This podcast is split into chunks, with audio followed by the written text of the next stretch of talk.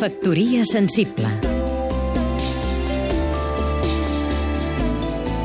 Sergi Dòria, periodista i expert en comunicació. Ciutat Cervantina. En el cinquè centenari de la segona part del Quixot, que transcorre a Barcelona, no estaria de més que la capital de l'edició tingués un detall amb la seva tradició d'estudis cervantins.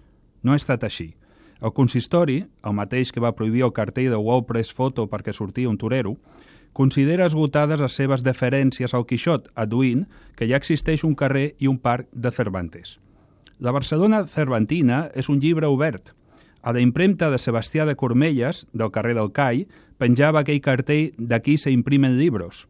Tenim la platja on el cavaller va caure derrotat i recuperar el seny a l'actual Palau del Mar – l'antiga porta de la muralla, on s'ubica la Facultat de Nàutica, la Ribera, els carrers Moncada, Ampla i la Casa de Passeig Colón a tocar de la plaça Antoni López. Segons Martí de Riquer, aquí es va jutjar Cervantes l'estiu de 1610 per Sant Joan. Aquella grata experiència va inspirar elogis per a la posteritat. Archivo de cortesía, albergue de los extranjeros, patria de los valientes, venganza de los ofendidos y correspondencia grata de firmes amistades – no era el primer cop.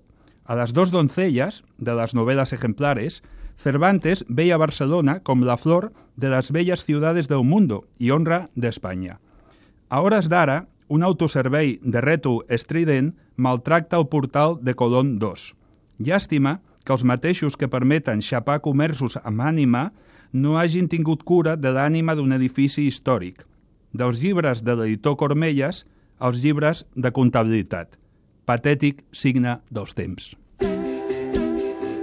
Factoria sensible. Seguim-nos també a catradio.cat